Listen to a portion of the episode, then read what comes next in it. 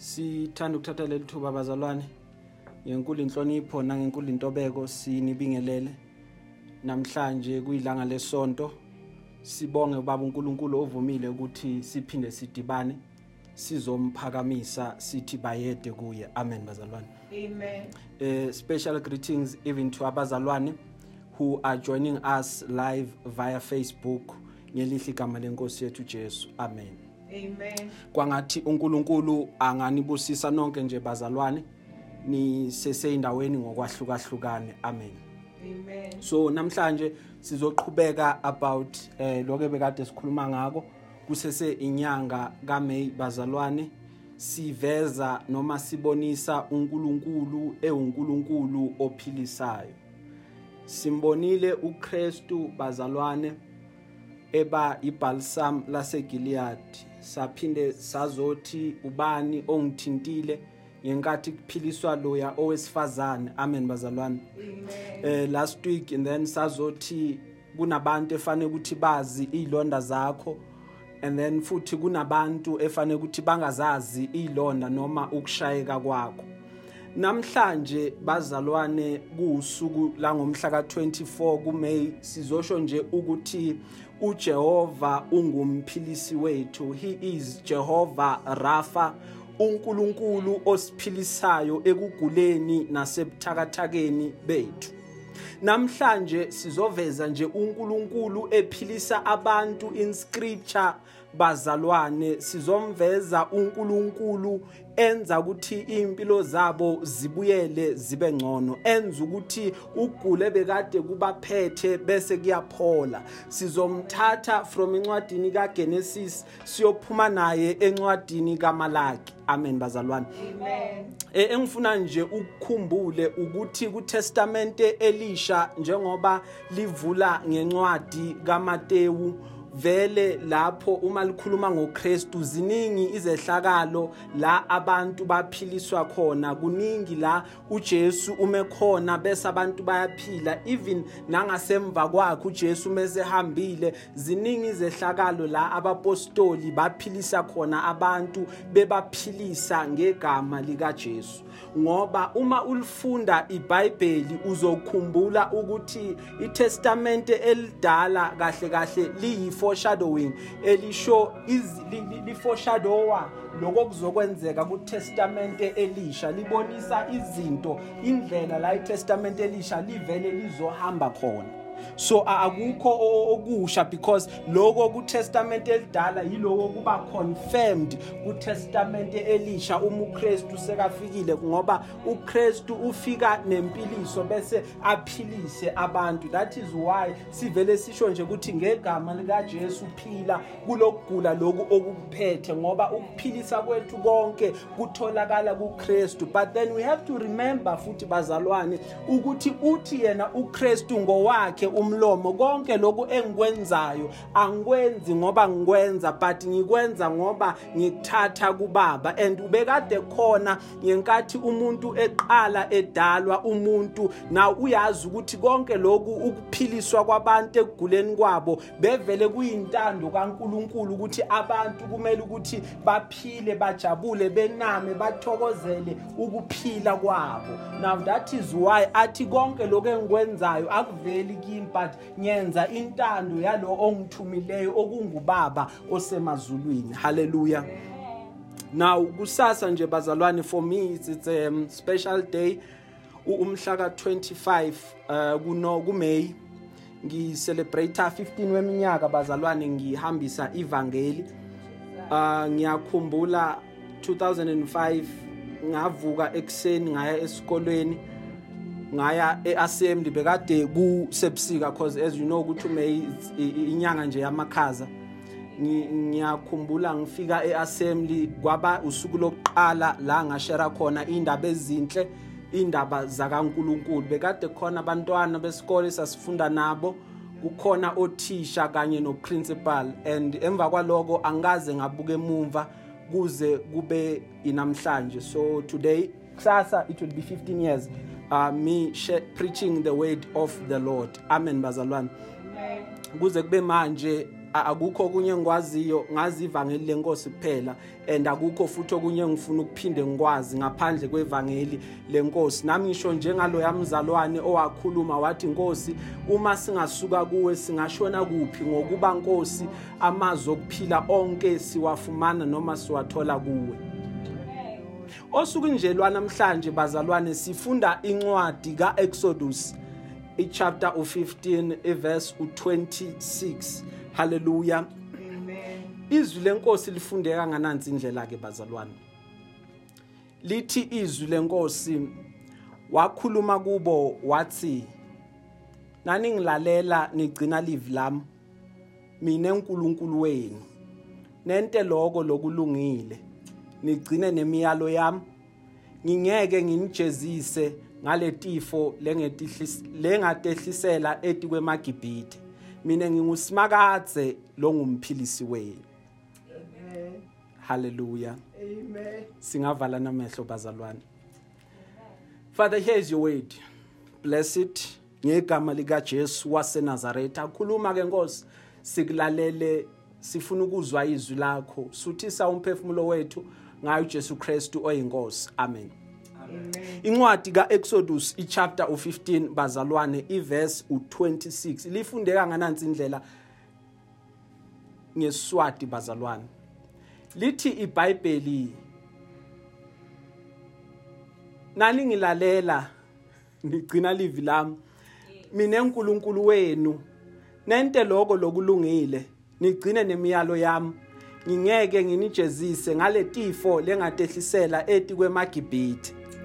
Mina ngingusimakadze lo ngumphilisi wenu uma uma sibuka leli gama elika Jehova Rafa uNkulunkulu ophilisayo noma uNkulunkulu ongumphilisi lakhiwe amagama amabili. Elokuqala igama ulela kaJehova elesibili uRafa uma sibuka uJehova uJehova kusho ukuthi ukhona kusho ukuba khona uNkulunkulu okhona. Uma umbuka uNkulunkulu enguNkulunkulu noma enguJehova uJehova owayekade ekhona umhlaba ungakasekelwa umhlaba ungakabikho. Ayikho into eyamdala. uJehova akanaso isiqalo futhi akanaso ini isiphetho. That is why wathi uma ekhuluma even no Moses wathi kuMoses uMoses umebuza wathi inkosi ngiyothi ngithunywe ubani mangifika phambi kwakafaro? Simuzwa uNkulunkulu ekhuluma athi Mose uma ufika ebusweni bakafaro ufika utshela uFaro ukuthi ungikhona uye lo ongithumile unginguye enginguye ungikhona uye lo othe hamba okhulula abantwana bami because bakhale a very long time bangaphansi kwengcindezi yaseGibhithe the great I am ungunkulunkulu ongenayo icreation ungunkulunkulu onganaso isiqalo futhi ungunkulunkulu ongenaso isiphetho. Amen. Amen. then igama igama elithi Rafa lisho ukubuyiselwa noma to be restored ukuphiliswa nge- ngesihebheru now encwadini ka kaGenesis sithola uNkulunkulu uma simuzwa uNkulunkulu siyamthola lapha simthola anguNkulunkulu ophilisayo.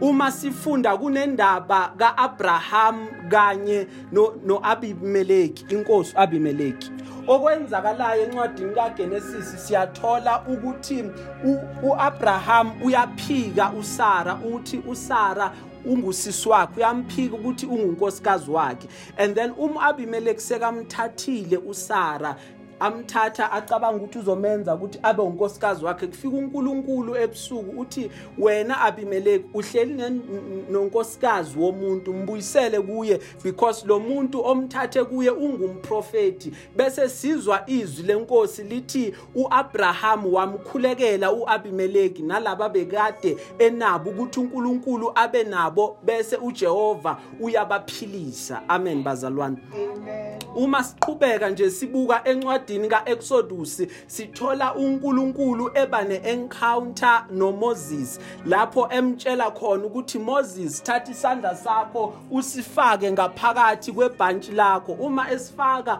uMose isandla ngaphakathi kwebhantshi lakhe bese lithi iBhayibheli siphuma isandla sakhe simhlophe sifana neqhwa and isandla sakhe ngaleso sikhathi bekade sesinokugula kobulepheru uma esibuyisela futhi isandla ephinde esikhipha futhi sithola isandla siyabuya siba right. Encwadini kaLeviticus sithola uNkulunkulu ephilisa abantu abaye batholakala banobulepheru bese kuza abapriesti ukuthi bazoconfirma noma bazofakaza ukuthi laba bantu ngempela uNkulunkulu ubaphilisile ngempela uJehova ubalaphile. Haleluya so nje namhlanje bazalwane sizobuka nje uNkulunkulu eba ngumphilisi kubantwana bakhe. Sizobuka nje uJehova e- ephilisa abantwana bakhe. En- encwadini kaNumbers noma kaNumeri ngemva kokuthi uAaron benoMiriam badelele noma bakhuluma kabi ngoMoses uMoses angekho njengenceku kaNkulunkulu uJehova simthola ashaya uMiriam ngobulepheru bese sithola uMoses aye enkosini ayomkhalela athi inkosi ngicela ukuthi umphilise welaphe lobu bulepheru lobu obumphethe. Amen. kuDeuteronomy sizwe uNkulunkulu ekhuluma athi "A- akekho omunye uNkulunkulu ngaphandle kwami. Ngiyakwazi ukuthi ngibulale ngiphinde ngiphilise. Ngiyakwazi ukulimaza ngiphinde bese ngiyapholisa. Futhi akakho umuntu ongakhulu ongakhulula uma usesandleni sami.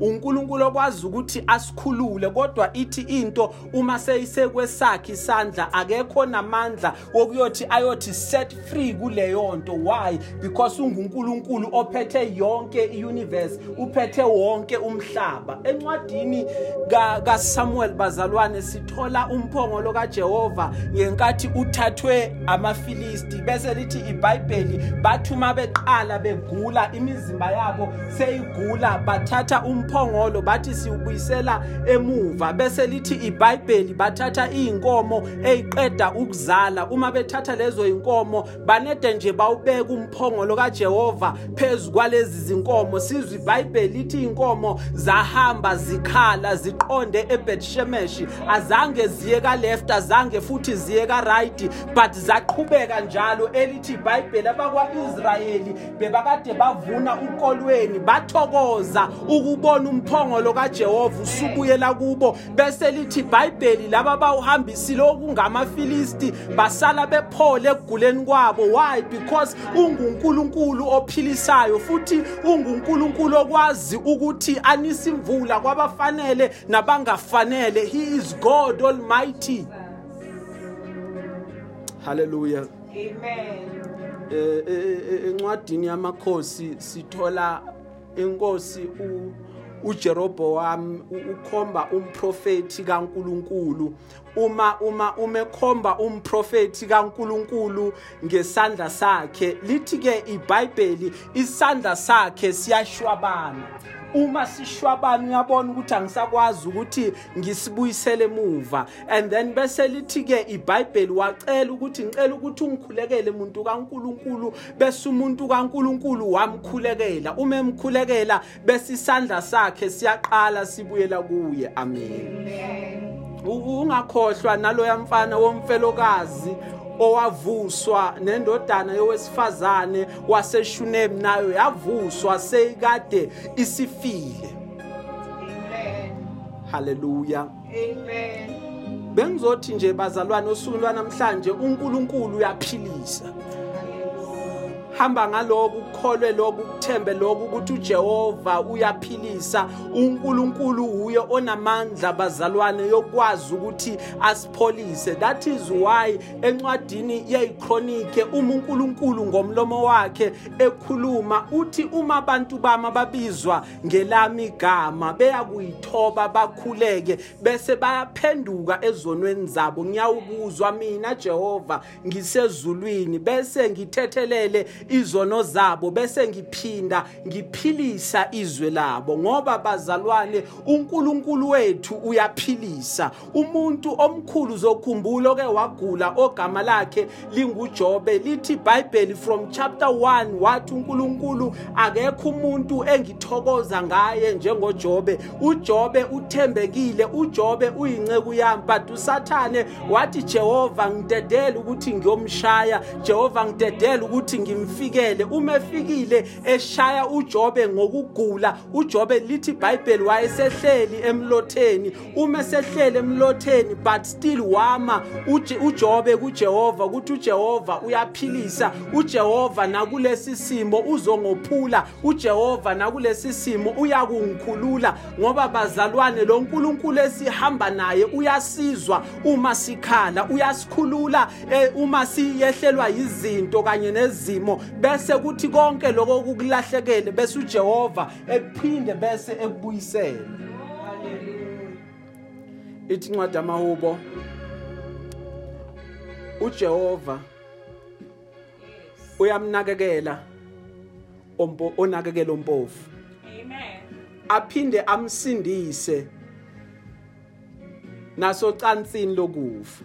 Haleluya Amen. ngoba uJehova wethu uyabaphilisa. Abenhliziyo yabo ichobozekileyo Jesus. aphinda lo- abophe ilonda zabo haleluya bazalwane Amen. I- izaga zika Solomon izaga zika Solomon lithizwi lenkosi amazwi kaJehova ngokuphila kulabo abawafumanayo Amen. kanye nempilo yawo wonke umzimba wabo haleluya Amen.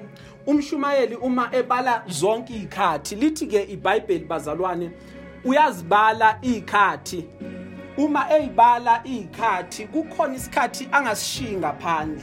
Leso sikhathi isikhathi sokuphiliswa. Uthi sikhona nesikhathi sokuthi kuphiliswe ngisho nabagulayo. kuJeremiah uthi uNkulunkulu uma ekhuluma ngiphilisa ngibuyisela ukuphila kwakho. Bese ngilapha izilonda zakho Amen. noma ushayeke kangakanani uma wazi ukuthi uNkulunkulu olapha izilonda zakho ku right lithi iBhayibheli uma likhuluma bazalwane Amen. no uthi omunye udoctor thina uma silapha thina esikwenzayo we can only treat the disease thina abantu kahle kahle we do not heal people. Now what happens is uNkulunkulu kuphela okwazi ukuthi ahile abantu ekuguleni kwabo. Haleluya uma uJeremiah eqhubeka uthi ngenxa yothando lukaJehova thina siqedwe ngoba umusa wakasimakade uba musha usuku nosuku. Nalapha izimo zempilo sezikuvukela sezisho ukuqeda ngawe zingeke zakwazi ukuthi zibe namandla ngoba uNkulunkulu lo hamba naye ukubiyele futhi uJehova ukuthanda ngothando olumangalisayo Amen. bazalwane khumbula inkosi uHezekiel ike yagula kwafika umbiko kuyo ozayo othi ngomlomo kaIsaya umprofeti othi uma ufika get your house in order. Ngokuba uthi uNkulunkulu uzofa manje. Lithi iBhayibheli akazange zamphendule umprofeti kodwa wabuka odongeni. Wathi inkosi awubuka ukuhamba kahle kwami okungaka. Ubungeke yini simakade wenezela ukuphila kwami? Wahamba wayonegotiate noNkulunkulu ukuthi inkosi ngicela ukuthi wengeze izinsuku zami zokuphila emhlabeni. Sizwa sekubuya umbiko ngo- ngomlomo womprofeti uIsaya othi uthi uNkulunkulu awusayi ukufa but ngizo-eda 15 more years ekuphileni kwakho. Haleluya. Encwadini kaHezekiel uthi uNkulunkulu kunamanzi asuka aqhamuka from etempelini ayahamba lawa manzi ayolwandle aflowela ngasolwandle. Nawo kuzokwenzeka ukuthi lawa manzi uma ehamba eflowa noma egobhoza eqonde olwandle anako noma akuthwele athwele ini athwele ukuphilisa. Yonke into ephakathi kwalawa manzi iyakuphila. Why? Because la manzi lawa uma eqhubeka eflowa aflowa because ane healing ngaphakathi ane effect yokuphiliswa ngaphakathi. Ngakhumbula encwadini kaJohn chapter 5 elithi iBhayibheli kwakade kuzanyazanyiswa ichibi and abantu bekholelwa ukuthi ongenile egula akayi kuphinda agule ngoba uma engene ngesikhathi esifanelekile uyothola ukusinda noma ukuphila kwakhe. Elithi iBhayibheli bebahlala belindile ukuthi makafika ingelosi izozamazamisa ichibi bese bayangena ongene kuqala yiloyo sindayo bese lithi iBhayibheli bekunendoda lapho ihlale over 38 weminyaka nayo ithanda ukuthi iphile but kungekho umuntu okwazi ukuthi ayithathe ayifake phakathi ngoba phakathi kwalawa manzi kunokuphila elithi iBhayibheli uma ningamkela mina Kristu phakathi kwenu shall flow rivers of living waters because uma somamkele lamanzi that flow within you they have life. They don't have death. You will have life and have it more abundantly. Why? Because you have Christ who lives in you. Hallelujah. Eh, eh, encwadini kaHosea uthi uthi uHosea uma ekhuluma uNkulunkulu uyasihlenga kuba singayi kufeni. Ngakhumbula loya mzalwane bekade ekhuluma athi ugibe lwaphukile thina saphunyuka. uNkulunkulu lo esithi uma sihamba naye bese angavumi ngathi. kuJoel kuJoel uma ekhuluma uthi uyobuyisela iminyaka eyadliwa isikhonyana understand ukuthi nala uye waba weak khona uNkulunkulu uyabuya azokurestore bese uyabuyela futhi uba namandla futhi. Uma uma kuza kuJona uJona ubekade etsheliwe ukuthi Jona hamba ngikuthume Niniva but waqale wagoloza uJona. uNkulunkulu ngoba neappointment nalabo bantu efuna ukuyobasindisa ngoba uJehova uma umlalelile kahle uba ukuphila kwakho. Elithi iBhayibheli uma ulalele izwi lakhe konke ukugula kuyikufikela kuwe. Why? Because uhambe ngokwezimiso zakhe. Nathi kulezi zukulwane ke bazalwane kuyafuneka ukuthi singayeki ukumemezela indaba zikaNkuluNkulu. Sihambe siyoyimemezela ukuthi namanje 2020 uNkulunkulu saphilisa uNkulunkulu sapholisa. Haleluya. Encwadini kamalaki simbona uNkulunkulu anguNkulunkulu elithi iBhayibheli uyilanga lokuphila. Elithi iBhayibheli siyothi uma siqala simbona bese siyotshekula njengamathole ngoba ukuphila kwakhe kuyobe kusemaphikweni ethu. Ukuphila kwakhe kuyobe kusemaphikweni akhe haleluya. Sengicina ke bazalwane. Thanda wazi ukuthi uNkulunkulu uyakhathazeka ngawe.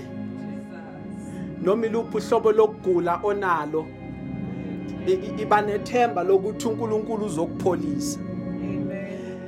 Ngikhumbula ngomunye unyaka ngeke ngagula ngiphathwa amadolo. Naw mangiphathwa amadolo angwazi nje nami umuntu wayesukele ephi lamadolo ukuthi angiphathe. Ngahamba ngaye ekhemist and mangifike ekhemist ngabatshela ukuthi nginenkinga and inkinga yami iphathwa ukuphathwa amadolo. Naw leya pharmacist yathi kimi eh kuyamangaza lokuthi ungaphathwa amadolo ngoba umncane phela wena usumkhulu izifo zabo omkhulu ezamadolo mara ke akuthathe la uyophuza lamapilisi uzawuphinda ubuye futhi ifakuhlupha ayi ngabona ukuthi nami lento amapilisi mana ngathi angeke iloku ngisebenzela ngoba uzoloku ngithenga njalo njalo njalo njalo. Ngiyabona ngathi khona la kubangconywana mara loku ayabuya yabona? Like uloku uyayitreat-a lento iloku iyabuya iloku iyabuya iloku iyabuya. Kwaze kwathi makufika isikhathi sokuthi ngizoba umfundisi inkinga yami yokuqala nje kwaba amadolo ukuthi manje ngoba abafundisi phela bami isikhathi eside baloku bashumayeli awaliyaphela maye mina ngiyoma njani? Ngoba la madolo kwesinye isikhathi ake abe buhlungu ungakhona ungathi ungahamba ibanga elide. But ngizokutshela ukuthi kuthe makuphuma igama lokuthi wena ubiziwe wakhethwa ukuthi ube yinceku yami ngiuNkulunkulu wakho mina. Ngambona uNkulunkulu elapha zonke izifo zami nalawo madola ngazi ukuthi wayapi ever since wahamba 2013 awakaze waphinda buya. Sengigcina ke bazalwane ngifuna wazi ukuthi uNkulunkulu uyaphilisa. Ngimbonile mina uJehova ephilisa. Uyabaphilisa laba a- amathemba awo ba abo abawathathile bawabeka enkosini. Bangabi nasingaba na- ngabaza ukuthi uNkulunkulu uzongiphilisa ngoba kwesinye isikhathi vele uNkulunkulu uyawayeka amandla abantu ukuthi ahambe ahambe aphele. uNkulunkulu uyayiyeka imicabango yabantu ukuthi ihamba hambe iphele. uNkulunkulu uyayiyeka imizamo yabantu ukuthi ihamba hambe ihluleke. La amandla abantu aphela khona la iability yomuntu iphela khona. uJehova uyafika azobonisa the supernatural power that he has because lento uNkulunkulu meseqedile ukuyenza ufuna ukuthi singayi attribute to any other person but we give him the glory because it could only be God who can do that thing. That is why izinto ezenziwe uNkulunkulu we call them ama miracles because there is no human hand that could do what God could do that is why thina we can only do la mandla ethu afika noma phelela khona bese uNkulunkulu eza azoqedelela lokhu yena aqalile ngoba lishilo izwi lathi yena unguNkulunkulu ozokwazi ukuthi afezekise noma aphelelise umsebenzi ekuphileni kwethu Amen. Glory. Jesus. kwangathi inkosi ngabusisa ukufunda kwezwi layo Amen. Isifundo sethu sanamhlanje siphelela la Amen. amen.